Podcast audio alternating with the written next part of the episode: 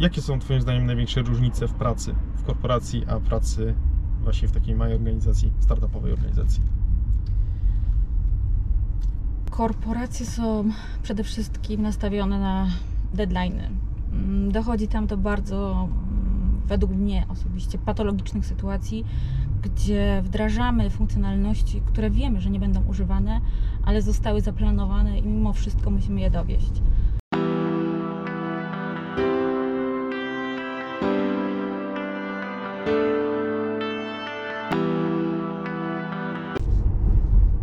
Cześć, dzisiaj kolejny odcinek podcastu The Way It Starts. Odchodzimy od tych odcinków, które były ostatnio, czyli blockchainów. Natomiast o kryptowalutach dzisiaj troszkę będzie, ale nie będzie to e, tematem przewodnim. Dzisiaj porozmawiamy sobie o bardzo ciekawym zagadnieniu, o zagadnieniu, które każdy, kto prowadzi biznes, szczególnie ten B2B, bardzo dobrze zna, czyli o ofertowaniu.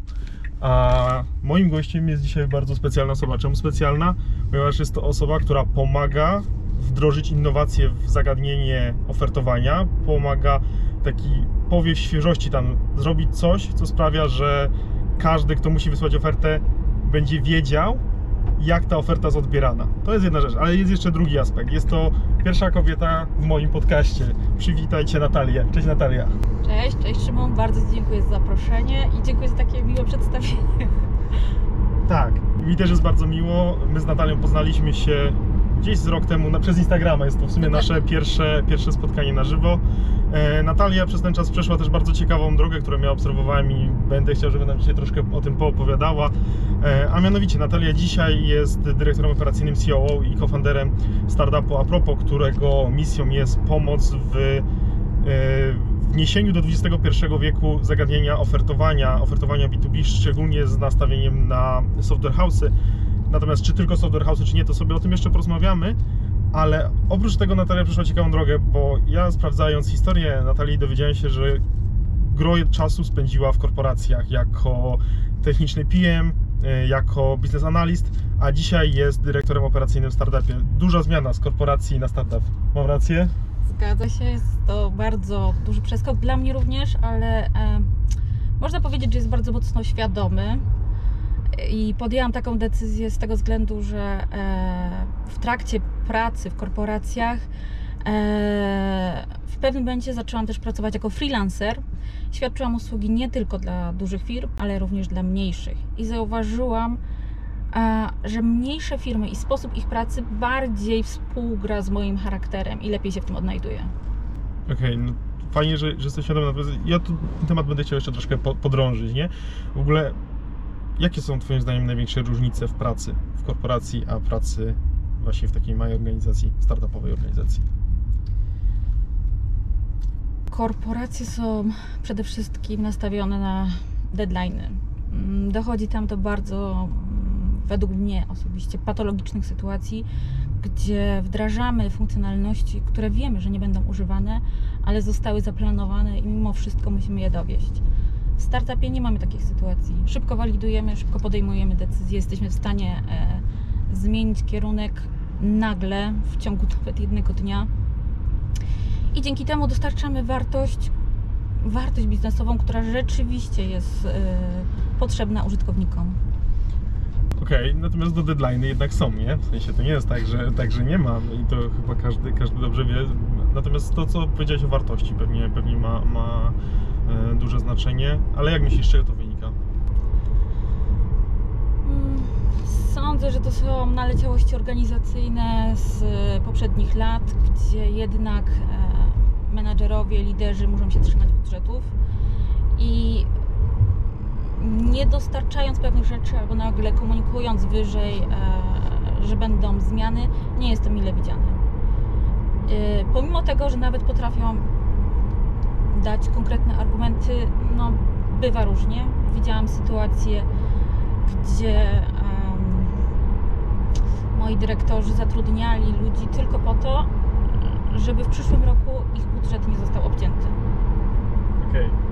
No to jest faktycznie taka troszkę y, patologiczna strefa y, biznesu. Ja mam z różnymi korporacjami doświadczenia, też różne rzeczy widzę, natomiast ja bym określił, że brakuje ownershipu. W sensie w małych organizacjach, kiedy jesteśmy blisko zarządu, blisko właścicieli, blisko tego koru biznesu, tak bym to powiedział, e, zależy nam. W sensie czujemy się współodpowiedzialni, czujemy się współwłaścicielami tego biznesu. Takie nieformalnie często, ale, ale jednak jest, jest ten ownership. Natomiast w korporacji, w bardzo dużej e, organizacji, która ten ownership ma rozmyty, jeszcze, jeżeli to jest w ogóle korporacja, spółka giełdowa, gdzie w ogóle ciężko powiedzieć o jednym, o jednym właścicielu, to, to każdy troszkę chyba bardziej stara się, że tak powiem w cudzysłowie, chronić swój tyłek, niż Mhm. myśleć o, o rozwoju biznesu, bądź patrzy na tą swoją ścieżkę kariery. To luźne przemyślenia na temat korporacji. Nie będziemy cisnąć za bardzo korporacją dzisiaj, bo nie taki jest też cel naszego odcinka i korporacje mają też swoje duże zalety. E, Może o tym kiedy indziej. Natomiast e, dzisiaj jeszcze chciałbym Cię podpytać, zanim przejdziemy do, do Waszego produktu, mm, do, do produktu a propos. Jak Ty się tam znalazłaś w ogóle? Jak znalazłaś się w e, organizacji startupowej? Czy było to właśnie na takiej zasadzie, jak wspomniałaś, praca freelancerska i to jest jeden z tych projektów, w który stwierdziłaś, że warto się zaangażować, czy jeszcze jakoś inaczej? Mniej więcej tak, to jest bardzo ciekawa historia, ponieważ wszystko się zaczęło e, na początku pandemii. E, Jeden z moich projektów freelancerskich skończył się z dnia na dzień nagle i zaczęłam e, szukać jakby kolejnego. Na jednym z portali natrafiłam na ofertę a propos właśnie, chłopacy szukali analityka biznesowego. Stwierdziłam, że mogę im pomóc, ale nie dlatego aplikowałam. Chodziłam koło tej oferty bardzo długo, odkąd oni tam wspomnieli, że szukają tak naprawdę docelowo wspólnika. W pewnym momencie doszłam do momentu, gdzie pieniądze to nie wszystko. Musisz wiedzieć, że ta oferta pracy, jak na mój budżet, ja wtedy to, co oni oferowali mi za miesiąc, mniej więcej tyle zarabiałam tygodniowo. Więc nie chodziło o pieniądze, chodziło o ten aspekt, że mogłam stać się współwłaścicielem. Wysłałam CV, zaczęliśmy rozmowy, to były bardzo luźne rozmowy. E, No i tak się stało, że mnie się spodobał produkt, spodobali się mi moi przyszli wspólnicy i również ja im się spodobałam pod kątem tego, e, jaki mam pomysł na ten produkt, jak im mogę pomóc, e, jakie mam doświadczenie biznesowe. Ja też bardzo dużo pracowałam, dzięki temu, że pracowałam w korporacjach. Mam duże doświadczenie w pracy z danymi i to z dużymi zbiorami danych. Więc doszliśmy do wniosku, że czemu nie, warto spróbować i tak oto się znalazłam w Apropos. Super. Fajna, fajna historia właśnie. ym, Ja w ogóle jestem też zdania, że e, tak jak powiedziałeś, pieniądze to jest jedno, one grają bardzo kluczową rolę, ale, ale właśnie ten, ta własność, ownership, móc zaangażować się w e, projekt e, na całego to jest bardzo, bardzo ważna rzecz, a chyba łatwiej, nie? Angażuje się, jeżeli się angażuje w coś swojego. Zdecydowanie. Bardziej, że ja zawsze miałam problem z tym, że miałam wrażenie, że zbyt mocno mi zależy w porównaniu do innych osób, z którymi pracowałam w korporacjach właśnie. A teraz pracujesz troszkę na swój rachunek, tak? Dokładnie. Więc, więc tak. Yy, I teraz jakbyśmy mogli, bo już pa- padła nazwa nawet nie, nie jeden raz a propos, powiedzieliśmy ogólnie mm, czym jest yy, Wasza aplikacja, czyli że dotyka kwestii ofertowania, ale jakbyś mogła rozwinąć swoimi słowami, czym dokładnie się zajmujecie, jaki problem rozwiązujecie i kto jest Waszym odbiorcą? Mm, Naszym docelowym klientem e, są software house'y, nie tylko w Polsce, ale również uderzamy na, na cały świat. E, Moi wspólnicy mieli własne software house'y lub pracowali w software house'ach i zauważyli, że e, wycena jest jakby tą największą bolączką, jest tym ciężkim procesem dla wielu software house'ów, bo jakby dokonanie wyceny to jest jedna rzecz, na to się traci bardzo dużo czasu, zasobów, a tak naprawdę wycena nie gwarantuje, że się uda podpisać kontrakt. Y, I dla wielu software house'ów są to po prostu zmarnowane pieniądze. Więc zajęliśmy się tym, tym procesem, żeby go usystematyzować, żeby dać e, naszym klientom wartość w postaci oszczędności czasu, pieniędzy, ale również to, w czym widzimy wartość i oczywiście taki też jest feedback od naszych klientów, to jest to, że wszystkie wyceny są w jednym miejscu. Są bardzo łatwo zarządzalne, możemy widzieć, jak to się wycenia, e, co się dzieje z poszczególnymi projektami, wycenami. I będziemy w najbliższych miesiącach właśnie mocno naciskać na ten aspekt kolaboracji i zarządzania samymi wycenami. Okej, no ja, ja też mam troszkę doświadczenia, bo również swój własny software house prowadzę od dłuższego czasu. Teraz już troszkę na innych zasadach, natomiast kiedy faktycznie aktywnie szukaliśmy klientów, no to, to były Excele, Excele, Excele Dokładnie. y, w różnych miejscach na drive. Nie, no, czy staraliśmy się to standaryzować? Oczywiście był jeden cennik, by, były pewne schematy, wyceny, natomiast y, wiesz jak to jest przy Excelach, to takie rzeczy się rozjeżdżają potem, nie? Szczególnie jeżeli tego się robi dużo, a, a stety niestety to nie jest tak, że każda jedna oferta, tak jak wspomniałaś, kończy się sukcesem, tylko to się próbuje, próbuje, więc jest ileś tych nieudanych ofert. I teraz o ile dojdzie do skutku, to super, nie? To koszt się zwraca, natomiast no każda minuta poświęcona na ofertowanie klienta, który koniec końców nie podpisze umowy, no to jest minuta stracona. I jak wiesz, y, często do tych wycen angażuje się deweloperów, którzy obecnie kosztują naprawdę dużo. E, Więc dla takich software house'ów są to kolejne zmarnowane pieniądze.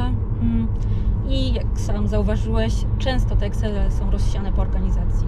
Na drive'ach, na e, laptopach pracowników, co jest niekorzystną sytuacją. Mhm, dobra, no ale to w takim razie powiedz mi, e, bo tu poruszyłaś ten aspekt oszczędności czasu, bo, bo jedno to, jakby, to wydaje mi się bardzo zroz- zrozumiałe, czyli kwestia tego, że mamy w jednym miejscu te wszystkie oferty, możemy je jakoś zostawić, natomiast oszczędności czasu, w jaki sposób wy automatyzujecie ten proces, w sensie co takiego e, macie wbudowane w swój system, bo dla jeszcze e, może nie przypomnienia, bo pierwsza zatem wasza aplikacja to jest aplikacja SaaSowa, tak? Czyli tutaj Dokładnie. mamy rozwiązanie cloudowe, y, do którego jest dość prosty dostęp, natomiast w jaki sposób wy automatyzujecie mm, ten proces estymacyjny tak, aby zaoszczędzić tego czasu potrzebnego do ofertowania? E, rozdzieliliśmy to na dwa aspekty. Pierwszy aspekt przygotowaliśmy, przeanalizowaliśmy mnóstwo e, e, produktów gotowych, które istnieją na rynku, aplikacji, systemów i stworzyliśmy template'y oraz funkcjonalności, które powiązaliśmy razem.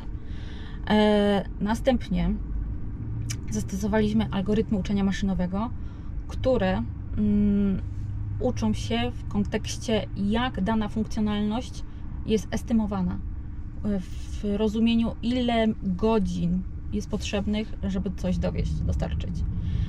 Więc nasz klient, e, jeżeli naprawdę nie ma czasu, ma gotowe template'y, z których może skorzystać, szablony. E, Wybierając odpowiedni szablon, ma już gotową listę funkcjonalności mm, i tak naprawdę jednym przyciskiem, który u nas się nazywa Auto Estimate, jest w stanie bardzo szybko oszacować mniej więcej a, czas rynkowy konieczny do dostarczenia danej funkcjonalności. Ja tu podrążę trochę, bo ja, bo ja mam to doświadczenie, nie? I, i tych wycen robiłem bardzo, bardzo dużo w swoim życiu. E, właśnie, okej, rozumiem, że możemy mieć gdzieś tam zbiór klasycznych jakichś funkcjonalności, modułów, które pojawiają się w, szczególnie jeżeli jesteśmy wyspecjalizowanym software house'em i robimy dość podobne rzeczy, na przykład Tak. zajmujemy się Shopify'em, zajmujemy się jakimś konkretną platformą e, i, i będą pewne elementy, które są bardziej dedykowane i, i muszą być za każdym razem troszkę od zera wycenione, będą pewne elementy, które można mm, przewidzieć, że one się będą w każdym albo w większości tych systemów pojawiać. Natomiast znowu, ta wycena czasowa, ona z mojej perspektywy może być trudna. Pomimo wszystko są klienci, którzy do tych zwykłych, standardowych modułów mają jakieś swoje tak zwane kustomizacje, Mhm. z drugiej strony też pytanie, jaki deweloper to robi, tak? No bo wycena dewelopera, nie wiem, seniora, który kosztuje więcej, ale zrobi coś znacznie szybciej, będzie mogła się różnić od tego, jak to y, zrobi junior, nie? Bardzo się cieszę, że poruszyłeś ten temat. W nadchodzących miesiącach będziemy właśnie e, dopracowywać nasz algorytm i będziemy brać pod uwagę, kto będzie nad tym pracował, ile mniej więcej czasu ta osoba potrzebuje. E, zamierzamy też nasz produkt połączyć z Girą. Dzięki temu jesteśmy w stanie oszacować ryzyko, ale również e, jaki czas jest potrzebny dla danego dewelopera, mm, aby dostarczyć pewną funkcjonalność. Więc będziemy mocno teraz rozbudowywać nasze algorytmy. Okej, no to, to, to jest fajne, że, że myślicie o tym do przodu, bo ja jeszcze będę pytał troszkę mm, o roadmapę. Natomiast tu wspomniałeś o tym pierwszym etapie, czyli yy, wycena, to, to przygotowanie tej wyceny. Tak. Następny? E, Następny etap to jest możliwość skustomizowania, dostosowania tej wyceny pod brand e, danej firmy i wysłanie albo przez maila, albo przez, linka, przez e, zwykłego linka mm, tej wyceny którą klient sobie otwiera u siebie na komputerze i wówczas dzieje się magia. E, zaczynamy nagrywać sesję i to jest ukłon w stronę hiperpersonalizacji, czyli nowego podejścia do relacji z klientem. E, sprzedawca może sobie później wejść na takie nagranie, może zobaczyć, jak klient się bawił z tą wyceną, bo dajemy też możliwość takiej aktywnej interakcji. To jest na przykład wyrzucenie danej funkcjonalności, żeby sprawdzić, o ile koszty się zmniejszą. Albo e, wyrzucenie testów i wtedy klient może sprawdzić, że jak, jeżeli nie będzie brał również testów, e, to o ile mniej zapłaci. I dajemy sprzedawcy pewną przewagę i możliwość negocjacji i rozmów. Taki sprzedawca widzi Ja sobie, tutaj że taki mały, mały disclaimer. Jeżeli jesteście klientami, nie wycinajcie tych testów. Naprawdę z własnego doświadczenia muszę Wam to powiedzieć. Się. Jeżeli zbierzecie pracę software house'ów, opłacajcie testy. To jest, to się Wam zwróci. Ale wra- wracając, przepraszam, musiałem to Tu powiedzieć. się zgadzam z Wracając do tematu, jeżeli taki sprzedawca sobie obejrzy nagranie i zobaczy, że klient e, na przykład długo się zastanawiał nad funkcjonalnością, nie wiem, Out Zero, to wówczas może wziąć za telefon i powiedzieć, że słuchaj, myślałem o Twojej wycenie i wiesz co, taniej będzie, jeżeli zrezygnujemy z tej czy z tej funkcjonalności. I wówczas tak klient powie, o świetnie, że o tym mówisz, akurat się nad tym zastanawiałem. Mhm. Więc dajemy im taką możliwość mm, przewagi rynkowej, bo do tej pory żaden software house oczywiście tego nie stosuje i nie ma, nie posiada. Mhm, tak, no to, to, to jest w ogóle właśnie dla mnie taki game cha- changer, bo y, nieraz wysłaliśmy te oferty. Czasem tak naprawdę nie wiedzieliśmy, czy klient je w ogóle otworzył, czy się z nimi zapoznał. Tak jak mówisz, jeżeli się nawet z nimi zapoznał, ale coś przykuło jego uwagę i on teraz nie wie, e, oferta z, wydaje mu się na przykład zbyt droga, ale są tam jakieś rzeczy, które my stwierdziliśmy, że dobrze byłoby umieścić, bo faktycznie mają z naszej opinii, w opinii znaczenie, no ale na przykład klient nie chce za nie płacić i się tak jak może okazać, że, że gdyby tego nie było w ofercie, albo gdyby wprost było zaznaczone, że to jest opcjonalne, to, to też by inaczej na to popatrzył, więc daje to bardzo dużą taką wiedzę analityczną. Tak, tak, tak, tak. To jest niestety moje zboczenie z poprzednich lat pracy. A, I to jest moje ulubione powiedzenie. Ho- Hotjar dla sprzedawców. Dokładnie. A właśnie, a propos sprzedawców. Yy, No bo tutaj mówimy o software house'ach, mówimy o tych wycenach godzinowych, czy software house'y, wiem, że są waszym targetem, Mhm. ale czy to jest jedyny yy, klient, który może korzystać z waszego programowania, czy inne branże yy, też by się mogły spokusić o, o zastosowanie waszego rozwiązania? Na ten moment naszym klientem docelowym są software house'y, ale wiem, że mamy jednego klienta, który akurat stosuje a propos do e, wysyłania CV, CV programistów. Jest po prostu, e, zajmuje się HR-ami, jest chyba HR Business Partnerem, dokładnie nie jestem pewna.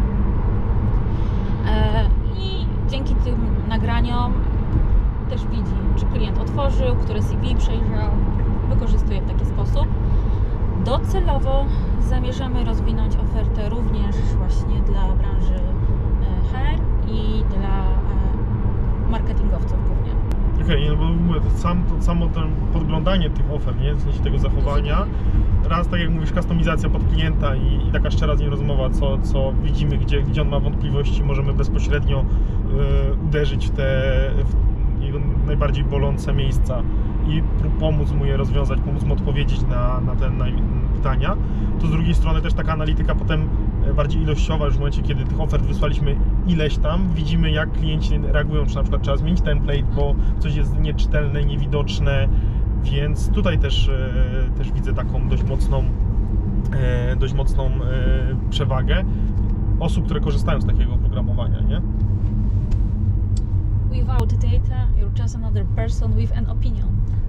Tak, natomiast z danymi to też znowu trochę, ja dzisiaj mam taki, taki fi, filozoficzny klimat, bo y, ostatnio miałem okazję brać udział w ankiecie dotyczącej danych y, i takiego data-driven y, Approach? approach dokładnie, to z danymi trzeba uważać, bo dane, tak jak powiedziałeś, bez zbierania danych to jest, no nie wie się za wiele, ale mając dane jeszcze nie wie się wszystkiego, w sensie dane mogą kłamać, dane przede wszystkim pytanie kto i jak analizuje, bo dwie osoby patrząc na te same dane mogą dojść do dwóch zupełnie różnych wniosków, więc też trzeba mieć to e, na uwadze. Natomiast tak, y, lepiej zbierać niż nie zbierać, nie? to, to ja od zawsze wychodziłem e, z takiego wniosku. Dobra, ale kończąc tę filozofię na temat, na temat danych, bo, bo o tym moglibyśmy się dużo rozgadywać, natomiast chciałbym jeszcze porusz, e, wejść do tej części, o której wcześniej wspomniałaś, czyli, czyli tych estymat Mhm. i trochę porozmawiać o wykorzystaniu sztucznej inteligencji. Na ile one jest szerokie, na ile to są takie bardziej na razie eksperymenty z Waszej strony, czy to są... Może zacznijmy od tego. Czy modele to są Wasze autorskie modele, które uczycie, czy na razie korzystacie z jakichś rozwiązań zewnętrznych? Nie, to są nasze autorskie. E, Jak wiesz, e, bo wspomniałam Ci o tym wcześniej, jesteśmy w trakcie mm, negocjacji e, rundy inwestycyjnej. Jeżeli nam się uda pozyskać pieniądze, to będziemy mocno rozwijać te algorytmy i właśnie brać pod uwagę większą ilość danych. Widzimy w tym po prostu wartość e, i uważamy, że dla naszych klientów będzie to duża, duża przewaga na rynku. Co jest najtrudniejszego w pracy z y, algorytmami sztucznej inteligencji? żeby uzyskać odpowiednią e, dokładność. Przy czym biznes często myśli, że algorytm, e, który uzyskuje efektywność na poziomie 94% jest kiepski. Ja pracując już tak długo w IT wiem, że 94% to jest rewelacyjny wynik. Tak, no... nawet ludzie się mylą, nie? W sensie ludzie też rzadko kiedy mają stuprocentową dokładność w tym, co robią. Ale jednak bardziej potrafimy często zaufać ludziom tutaj. E, taki a propos zaufania do sztucznej inteligencji, jedziemy, jedziemy Teslą, tak? I Tesla gdzieś wprowadza, zresztą nie tylko Tesla, bo, bo dużo dostawców, dużo producentów samochodów wprowadza, wprowadza rozwiązania mm, związane z samojezdnymi pojazdami, czyli tutaj y, my sobie siedzimy, rozmawiamy. Myślę, że tak y, w przyszłości będą te moje wywiady wyglądać, y, że Mhm. będziemy sobie tu siedzieć, a auto będzie samo jechać. Jest jeszcze druga opcja, że my będziemy, każdy z nas będzie siedział u siebie, u siebie w domu, a z hełmem VR na głowie i w metaversie będziemy robić y, takie, y, takie rozmowy. Ale też troszkę odpływa- odpływam. Natomiast ludzie dalej nie mają zaufania nie? do takich samochodów, bo to jedzie komputer, bo nie wiadomo co on zrobi i tak dalej. Ale kierowcy popełniają błędy i popełniają dużo błędów. Ja przed chwilą się zagapiłem i stałem i mnie strąbili. Nie? W sensie, bo, bo się zagadaliśmy, a, mm, a tych błędów jest znacznie więcej i są znacznie gorsze. Komputer Prawda? y, oczywiście też ma jakąś dokładność, ale ilość czujników, ilość, y, szybkość procesowania danych jest na naprawdę takim poziomie, że te samochody już teraz są w stanie jeździć lepiej niż jeden kierowca, a dalej się boimy. Y, Wracając do kwestii związanej z zaufaniem do sztucznej inteligencji, tak jak mówisz, Mhm. ludzie nie mają do niej zaufania. Y, Ja nie widzę innej opcji niż y, po prostu powolna edukacja. Czy robicie coś w tym kierunku, czy edukujecie swoich e, może przyszłych klientów e, w kontekście właśnie tego, że jednak e, te dane, które macie i to jak je analizujecie, pomimo jakiejś tam niepewności, warto na nie patrzeć, warto z nich korzystać?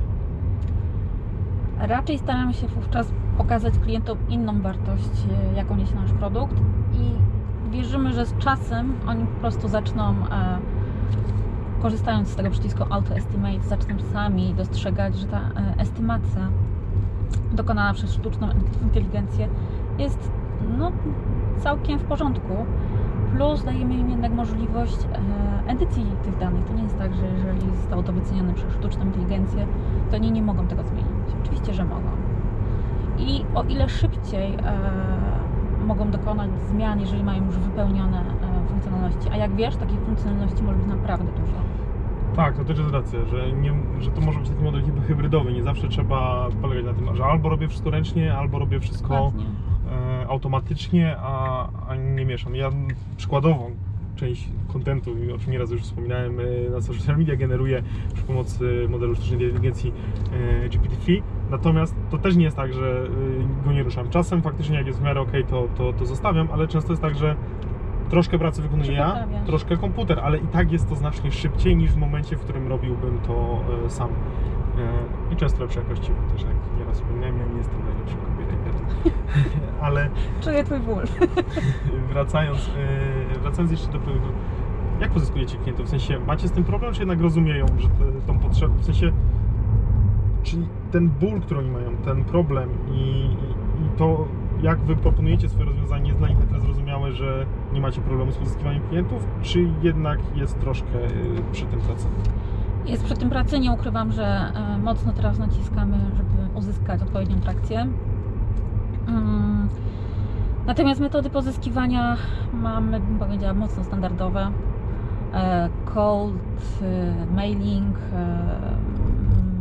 wiadomości na LinkedInie, cold calling również. E, No staramy się robić naprawdę wszystko, żeby o a propos było głośno, no bo skąd e, software house'y mogą wiedzieć o istnieniu takiego produktu, jeżeli tak naprawdę my jesteśmy pierwsi na rynku. Jeżeli nie było jeszcze produktu, który rozwiązuje ten problem e, zarządzania i właśnie estymacją prac i ofertowania. Więc staramy się, żeby o nas było głośno. Mm, Stąd też właśnie wycieczka na, na Web Summit. Właśnie, właśnie, miałem o to pytać. Wycieczka y, w ciepłe kraje, w ciepłe kraje do Portugalii na Web Summit, e, czyli główny cel tej e, podróży to właśnie pozyskanie klientów, czy jeszcze coś? Główny cel podróży to było e, sprawdzenie, na ile jesteśmy mm, produktem, który się wpasuje w e, rynek. Więc dla mnie, jako product managera, e, była to walidacja naszego pomysłu i muszę przyznać, że przeszło nasze najśmielsze oczekiwania. Raczej nie nastawialiśmy się, że pozyskamy dużo klientów. E, myśleliśmy też, żeby mm, przedyskutować kwestie, różne kwestie tam z inwestorami. To też się udało i wymienić doświadczenie z pozostałymi founderami, startupami. I też nam się to udało. Czyli na plus wyjazd. Warto Na plus, było. warto było. Tak, z mojej perspektywy bardzo, z z perspektywy moich współpracowników e, również. Jak wygląda przyszłość a propos? I to zarówno taka produktowa, jeżeli chodzi o roadmapę, ale też e, taka bardziej biznesowa.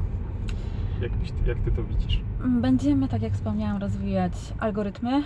Mm, Teraz sobie wyobraź, że dokonałeś takiej wyceny, klient wraca do Ciebie i mówi ok, Panie Szymonie, bierzemy, podpisujemy i jednym kliknięciem będziesz w stanie przenieść tą wycenę, bo to jest rozbite per funkcjonalności, do Jiry.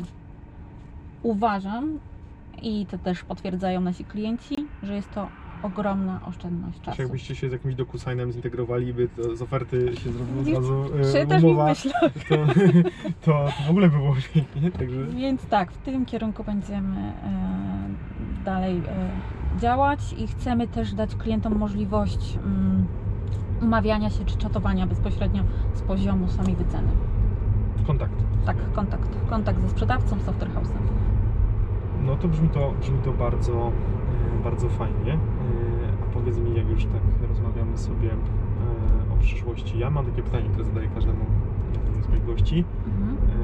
Zapytałem Cię o przyszłość a propos, a jak będzie wyglądać świat za 10 lat? Jak będzie wyglądać przyszłość? Taki pierwiastek zawsze wizjonerski trochę wrzucam do podcastu. Jak według Natalii będzie wyglądało życie na Ziemi za, za 10 lat? Jedziemy w Tesli, więc zakładam, że e, samochody autonomiczne nie będą czymś abstrakcyjnym, jak to jest obecnie. Tylko właśnie tak jak wspomniałeś wcześniej, będziemy po prostu sobie siedzieć, rozmawiać i auto będzie samo jechało. Uważam też, że mocno rozwinie się koncepcja metaverse. Mm, Mnie osobiście to trochę przeraża, ale z, no, widzę, że jest to nieuniknione i do tego wszystko zmierza. Nie wiem, czy oglądałeś może film?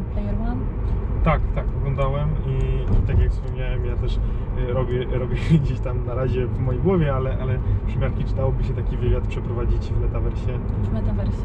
Y, Nie musi, miałbym y, jeden problem z głowy, bo teraz na przykład fajnie, my jesteśmy z Krakowa, więc nie było dużego problemu, żeby, żeby gdzieś tam termin sobie dogadać, natomiast no, jak mam kilku gości, którzy muszą na razie jeszcze ja nie mam na przykład y, możliwości do nich dojechać, oni różnie też na przykład z czasem, żeby do mnie dojechać, no dogranie terminu robi się bardzo problematyczne. Tak to każdy by ubrał sobie headset i dawaj, nagrywamy.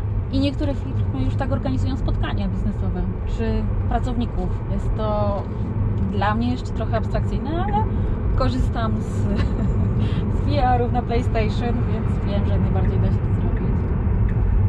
A myślę też, że będziemy widzieć w najbliższych latach bardzo duży e, rozwój jednak kryptowalut, pomimo wszystkich obostrzeń, które są gdzieś na horyzoncie. Okej, a właśnie, bo ja też y, no na tyle, na ile Cię już znam, wiem, że właśnie interesujesz się Tak. e, rynkiem krypto, technologią blockchain. Jaka jest Twoja ulubiona kryptowaluta? Oprócz standardowych, bo mój portfel kryptowalutowy jest bardzo nudny.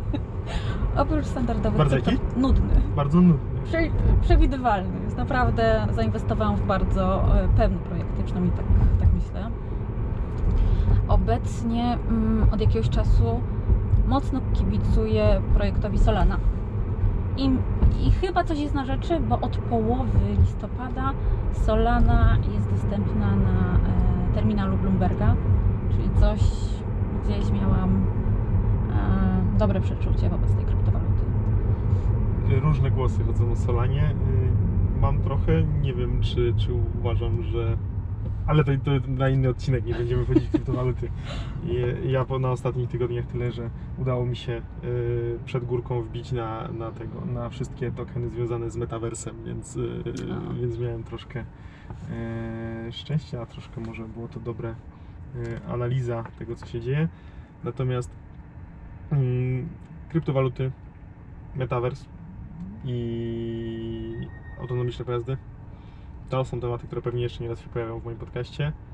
A dzisiaj rozmawialiśmy sobie niby o bardziej przyjemnej rzeczy, ale jednak, tak jak sam wspomniałeś, nie ma takich rozwiązań, więc jest jeszcze dużo do zrobienia we wszystkich sferach. W Web 2, a nawet w Web 1 jest jeszcze, jest jeszcze dużo aspektów, dużo branż, które wymagają tej pracy u podstaw, więc e, Dokładnie. ja lubię odpływać do tych y, wizjonerskich i futurystycznych y, wizji, ale, ale nie, na tym, nie tylko na tym świat się zamyka i kończy, więc y, to co może kiedyś też wy też robicie w ramach y, ruchu startupowego, w ramach jeszcze coś tych rozwiązań właśnie sasowych, Może z metaversem e, się do prezentować bardzo ważnej, bardzo fajnie. rzeczywistości, a może w stronę. przybliżyć. Ja Ci bardzo dziękuję za dzisiaj E, i za, może kiedyś też pójdziecie krok dalej E, a Was zapraszam zrobicie właśnie coś związanego właśnie może z metaversem, gdzie te oferty będziecie mogli prezentować w wirtualnej rzeczywistości, a może w inną stronę.